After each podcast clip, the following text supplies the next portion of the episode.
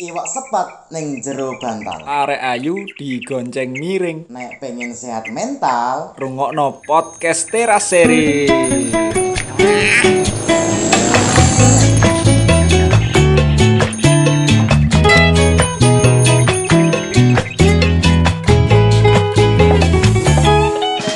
What's up?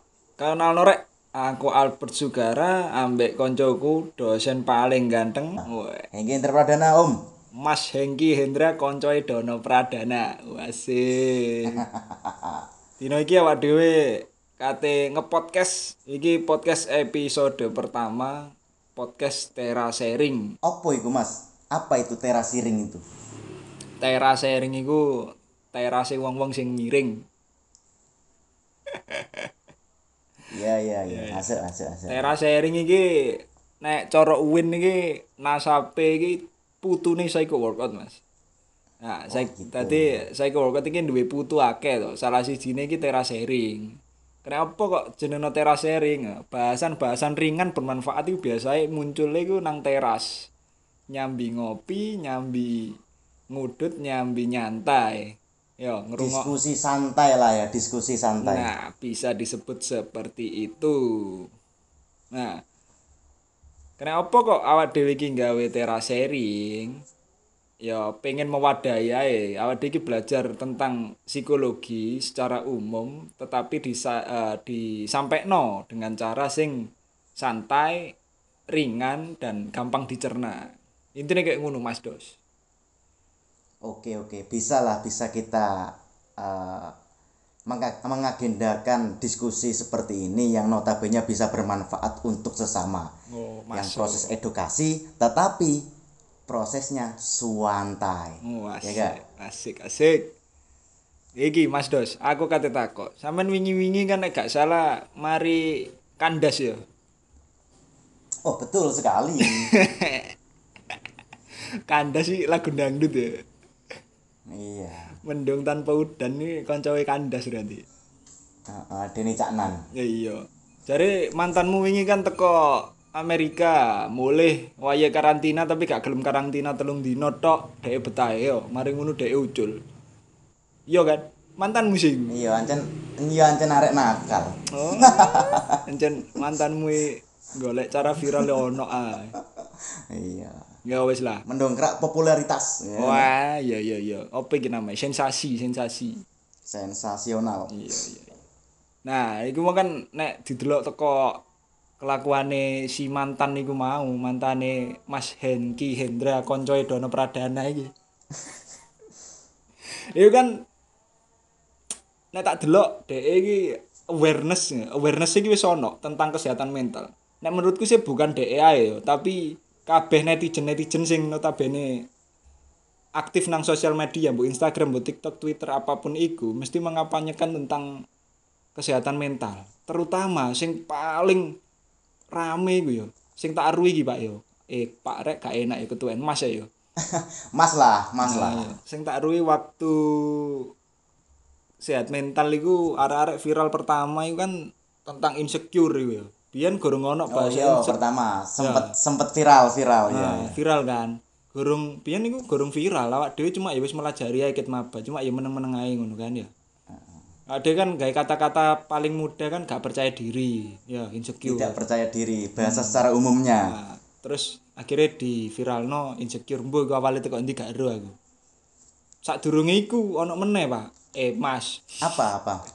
Aku kok tau nemu iki, toxic positivity. Wah. Oh, toksik. Mm-mm. Ya, toksik Tap- memang. perilaku toksik yang positif menurut mereka nek gak salah ngono pengertiannya terus yang terakhir iki sing lagi viral-viral iku tentang healing-healing iku pernah krungu gak pak Oh pernah, itu kayaknya yang saya lihat di sosial media itu temen-temen bocil itu sedikit-sedikit ngomong healing, healing, healing gitu ya. Backsound lagu ini apa pak sing healing-healing iki emang Healing healing tai kucing.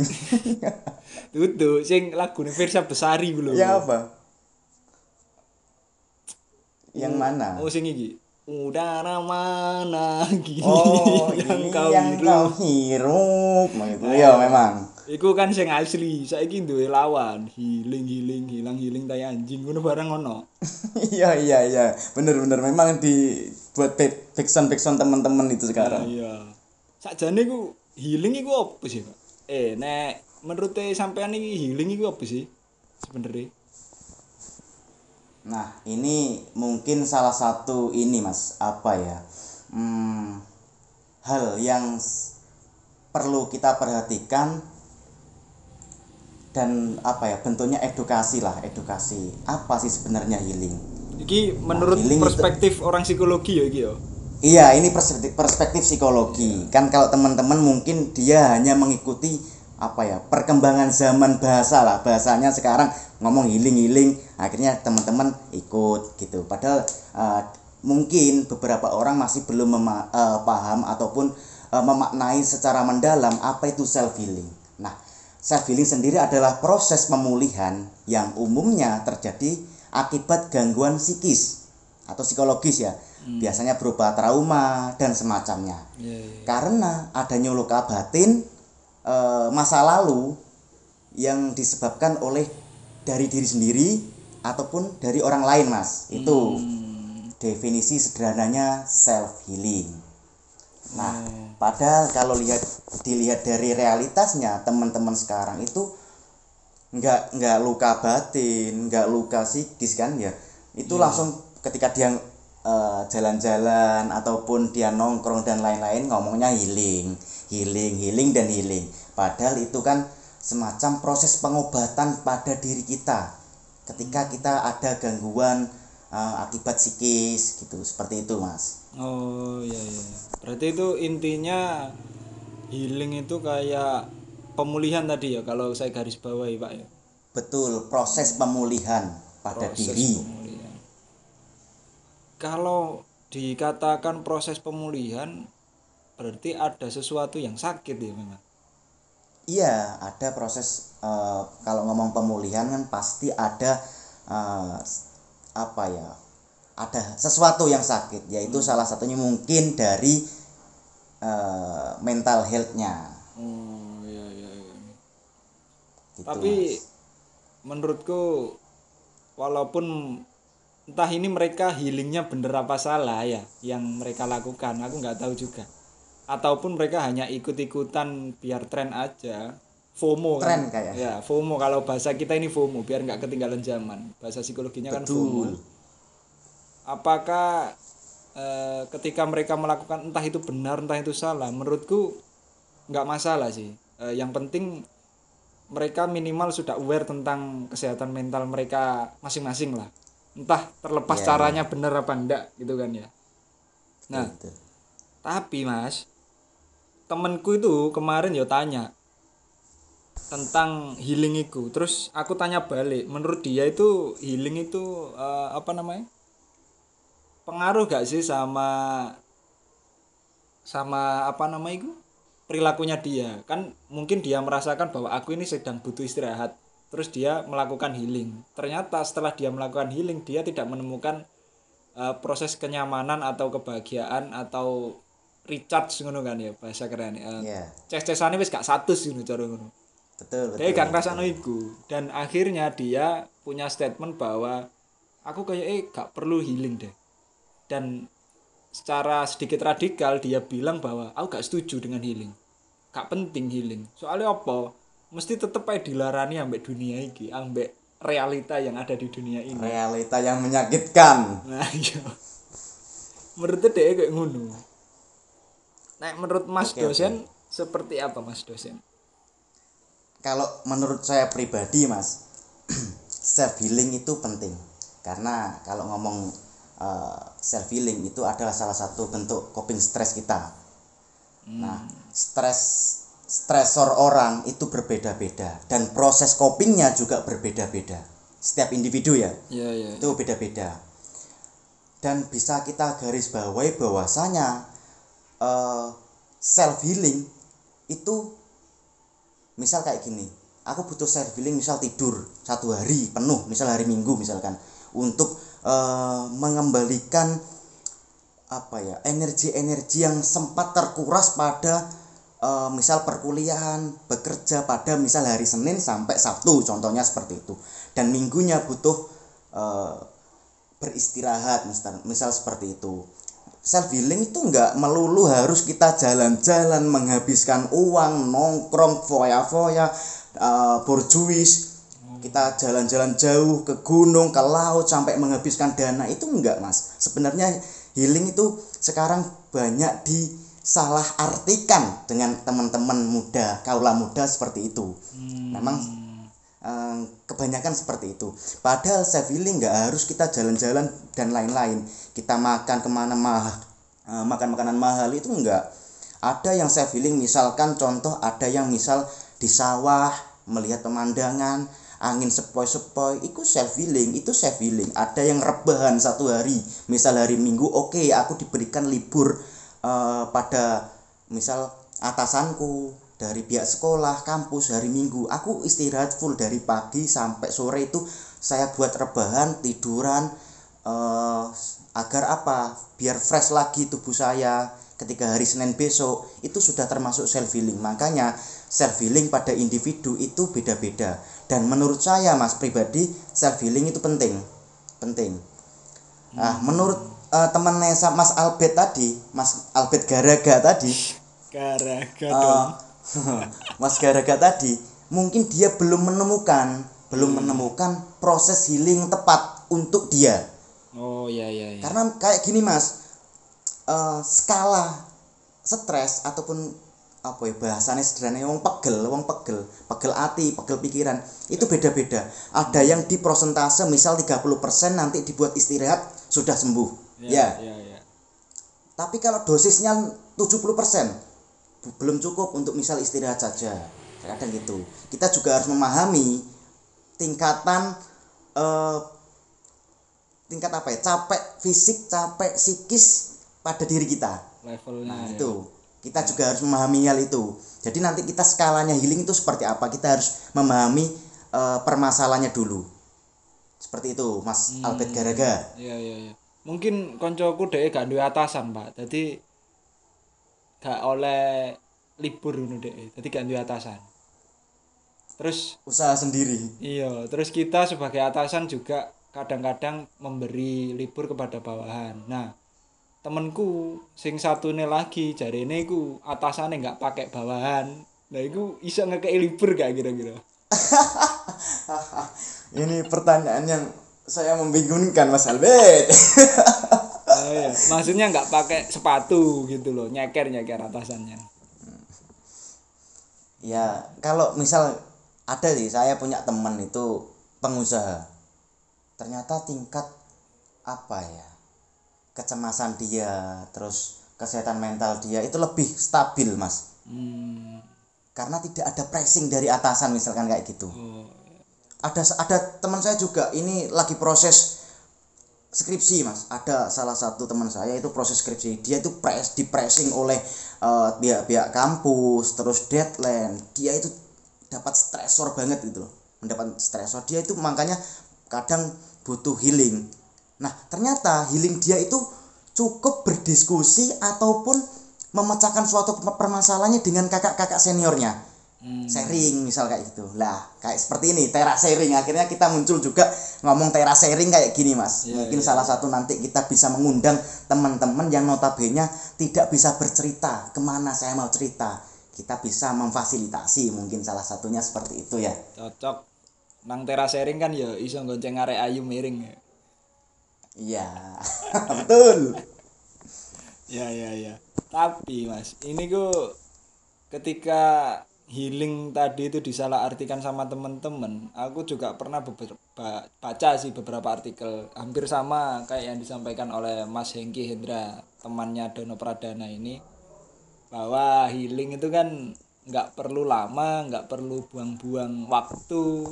Intinya nggak perlu sampai over gitu. Mungkin kayak aku butuh liburan seminggu full gitu. Terus aku butuh aku ma- aku masih pengen istirahat tapi istirahat itu dibuat senjata dia untuk meninggalkan pekerjaannya. Lepas tanggung jawab kayak lepas gitu. tanggung jawab. Jadi healing bisa jadi hanya dijadikan alasan semata. Se- padahal si anak ini sebenarnya males. Nah itu mungkin bisa jadi fenomena di beberapa akun-akun sosmed yang yang dia notabene apa namanya share-share tentang healing aku hari ini healing aku hari ini healing gitu. Kayak teman-teman kan banyak juga sih waktu pengalaman kuliah gitu kan. Sira aku lagi sumpek banget aku lagi oke tak kasih waktu. 15 menit setengah jam. Nyantai dulu. Raup-raup sih turu-turu dhisik mari ngono tancap gas lagi. Menurutku healing eh, sederhana itu cukup sebenarnya. Tapi juga balik lagi kata Mas Hengki Indra tadi bahwa healing kan eh, disesuaikan dengan leveling kita sendiri ya leveling kita Betul. level stresnya masing-masing gitu tapi apakah bisa sih healing itu dikatakan sebagai eh, bentuk perjuangan kita gitu melawan eh, kurang sehatnya mental kita Bisa mas, bisa, bisa sekali. Itu kan sebenarnya apa ya? Healing itu bener Mas Albert bilang tadi nggak harus mahal, nggak harus lama. Contoh saja saya ketika dapat stressing dari eh, atasan saya yang ada di kampus itu ketika saya sumpek sudah mentok maksimal dalam pemikiran saya oke saya keluar sebentar menghirup udara yang ada di luar nih kalau gak gitu saya cari warkop atau ngopi sebentar 15 menit saya kembali lagi itu sudah fresh lagi mas jadi sebenarnya itu apa ya? Ya sekarang healing itu menjadi kedok iya gak oh iya iya. Di fenomena sekarang di fenomena sekarang ya saya lihat di fenomena Iya, sekarang iya, loh ya. iya, iya. bukan sebut sebut hal-hal yang lainnya fenomena sekarang healing itu sebagai kedok. Bahwasannya aku wayahe boros terus aku lagi males akhirnya tak buat eh, tameng. Hmm. akhirnya dengan bahasa alibinya apa? Healing healing dan healing. iya. sehingga aku pak sebenarnya eh, misal kayak gini aku sebenarnya boros misalkan kayak saya itu orangnya boros pengen di mall pengen beli ini beli itu beli ini biar menghilangkan stres. Akhirnya dengan alibi healingku dengan cara eh, apa belanja yang mahal-mahal keperluan yang notabene belum kebutuhan pokok. Jadi sekarang itu kasihan gitu loh. Healing itu jadi semacam hal negatif iya iya. dipandang eh, orang-orang yang ada yang paham iya iya. Sebenarnya kan itu hal positif untuk menghilangkan tingkat kecemasan stres kebingungan kita seperti itu. Iya iya. Jadi ini sebenarnya kita sebagai kaula-kaula muda yang belajar ilmu psikologi memberikan edukasi sederhana kepada orang-orang yang menyalahgunakan self healing itu mas. Hmm, iya, iya. Tapi eh, dengan catatan ketika memberikan edukasi bukan menggurui, intinya bukan menggurui ya, tapi sharing knowledge Betul. gitu aja wis. nah Kan selain healing juga ada mungkin eh, tadi saya nyambung dikit ya, Mas Hengki.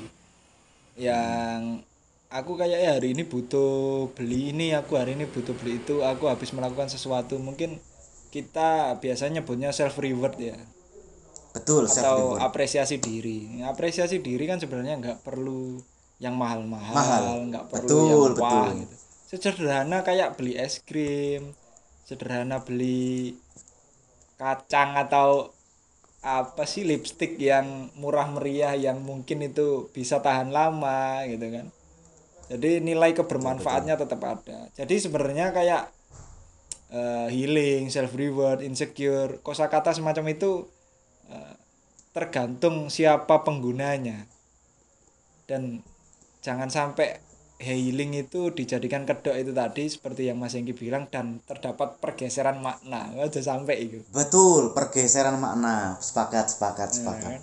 Karena pergeseran makna kok repot. Pak naik gak gitu soalnya. Oh iya, makna dengan pakna. Oke oke oke.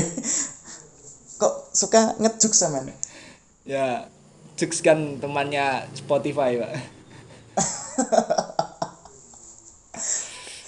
ya ya ya berarti kan Gini, sebenarnya juga Iya. juga gini mas, kita juga harus memperhatikan. Terkadang jangan sampai gini, healing kita itu merubah 180 derajat malah menyerang kita. Contoh kayak gini, sebenarnya proses healing adalah menyembuhkan, ya kan? ya ya penyembuhan. Lah, ketika itu misalnya aku butuh healing, misal belanjaan habis satu juta, padahal gajinya cuma satu bulan dua juta setengah Hmm. Nah, misal kita ketika belanja dapat apa eh, habis satu juta setengah dua juta itu kan malah dia mempersulit diri sendiri iya gak Iya iya iya iya. Nah kita ketika dia kekurangan ekonominya selama bulan selanjutnya itu, kira-kira dia berpikir overthinking nggak? Iya. Nah, pasti ketika oh saya kurang ini, kurang ini, kurang ini, kurang ini. Akhirnya apa? Kembali kesehatan mentalnya juga akan terganggu juga kan karena salah satu finansialnya dia nggak stabil. Jadi kalau bahasa eh, pepatah mengatakan besar pasak daripada tiang, Oh, iya nggak? Arek pramuka. Seperti iki. itu. Eh, Besar pasak lebih eh, daripada tiang. Iya, arek arek pendapatannya arek kokonat. pramuka. Jadi kita juga harus memperhatikan hal tersebut. Bagaimana kita itu merasa rugi gak ketika kita melakukan healing itu kayak gitu. Oh. Misal kalau sampean liburan selama satu bulan di Bali habis 17 juta, habis itu balik dikejar-kejar apa ini Pinjol. pemi- pinjol itu tambah pusing juga nggak healingnya nggak dapat sembuh enggak gila tambah parah iya nggak kira-kira jika kita juga harus rasionalisasi kita juga Iya, harus iya, iya, diper- dimainkan di situ mas Siap, seperti siap. itu sih Healing ini dijadikan kedok visi foya misi foya. ya. Betul betul sekali. Sekarang kan kaum kaum berjuis sekarang marak sekali mas. Dengan berkedok self healing seperti itu sih. Jadi kita minimal dari teman-teman psikologi yang ada di sekitar kita mungkin memanfaatkan ilmu kita kepada halayak umum. Minimal kita bukan menggurui benar mas Albert seperti tadi. Kita sharing sih sebagai sharing. Sebenarnya idealnya self healing seperti ini fungsinya definisinya dan lain-lain Nah, agar apa dia itu tahu makna esensi yang paling tepat untuk memaknai self healing tersebut Hmm, iya iya iya. Tapi aku biasanya gak ndudui nek areke gak takok, Pak. Nek gak ngono wis kenal plek ya tak kandani secara terbuka, tapi nek cik tas kenal ngono ya tak njiarno ae. Nah, kita juga bisa Mas memanfaatkan fasilitas yang ada sekarang minimal gadget kita kan lebih canggih kan ya.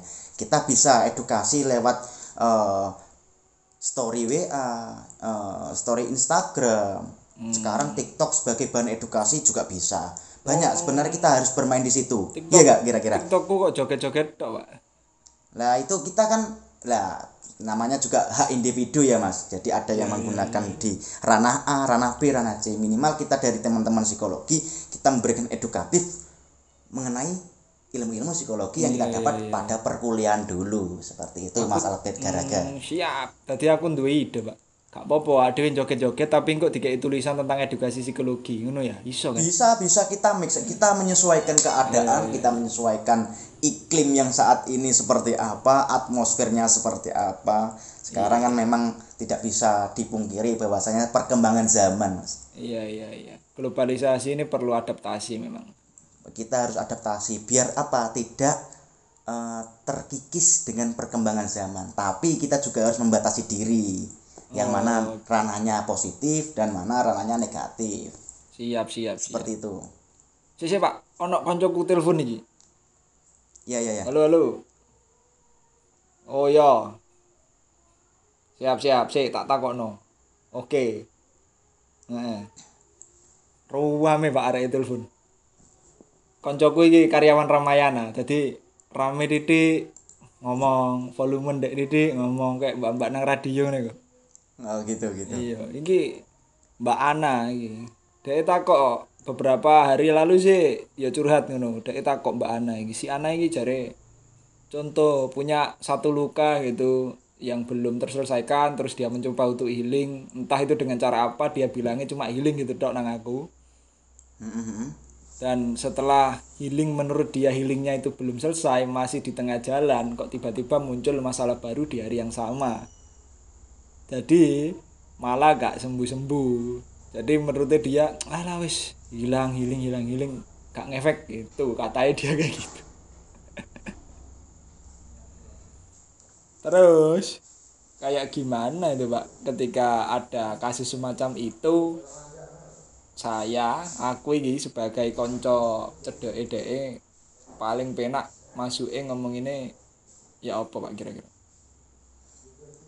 Eh, yang pertama kita juga harus mem- memperhatikan mas kira-kira dia itu lukanya seperti apa misal eh, contoh saja misal urusan cinta contohnya misalkan kayak Wah putus. itu contoh dari masa lalu, masalah pribadi atau masa terkini. ya ini contoh yang dialami hak kaula muda lah mas Oh, siapa kaula mu- saja kaula kaula, muda. muda. yang pasti akan merasakan Ya kaulah muda yang baru jadi dosen maksudnya. Eh, jadi gini mas. Eh, kita juga harus mendeteksi apa yang membuat dia lagi eh, bersedih Siap, ataupun tidak sehat mental.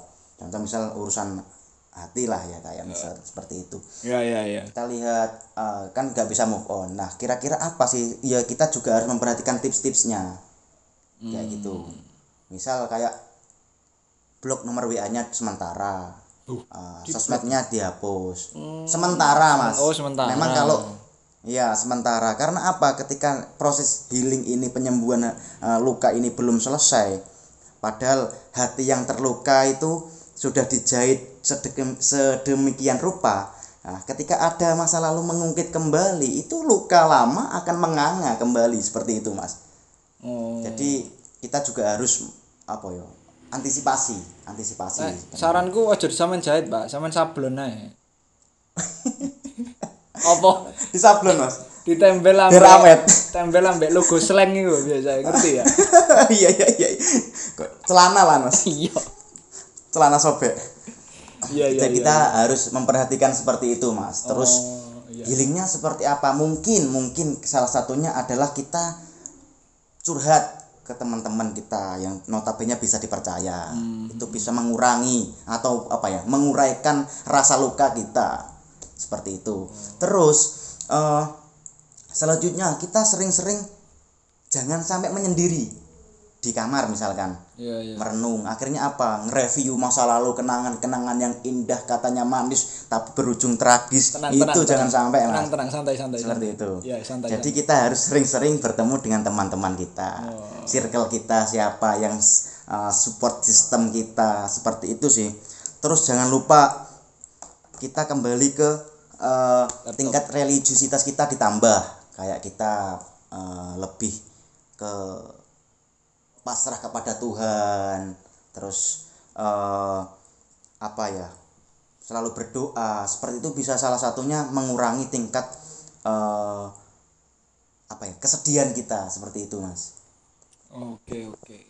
Berarti eh, iso disimpulkan ya bahwa healing ini sebenarnya nggak perlu mahal, nggak perlu waktu yang intinya nggak perlu mahal, nggak perlu buang-buang waktu dan Betul. masih tetap bisa melanjutkan realita. Intinya rehat sejenak lah healing itu ya. rehat sejenak Mungkin itu eh, sedikit sharing-sharing kita eh, dengan bahasan Siap. mungkin ringan, mungkin berat terserah kalian yang mendengarkan. Nanti kalau ada saran-saran apa pun bisa kontak kami di nomor 111111999 saat terus dan kontak email di email kita Psycho Workout atau di IG kita Psycho Workout. langsung DM saja sih psycho workout Ya, DM aja Psycho Workout. Mbok iki kok diupload nanti aku dek harus soalnya episode siji tergantung editore. yang penting kita sudah menyampaikan berdiskusi ya kan Betul. nanti kita tim editornya ada lagi lah di sini kan kita juga membentuk tim mas Ya, kita kan ya juga membentuk tim ada Mas Randi ada Mbak Sania ada Mbak eh sorry Mas Alif Nugroho jadi kita nggak nggak cuma berdua saja tapi banyak tim karena kita juga belajar berorganisasi kita belajar bagaimana eh, saling apa ya mendukung apa yang eh, potensi kita seperti itu mas Siap, siap, siap. Suwun kabeh sing ngrungokno malam iki luar biasa.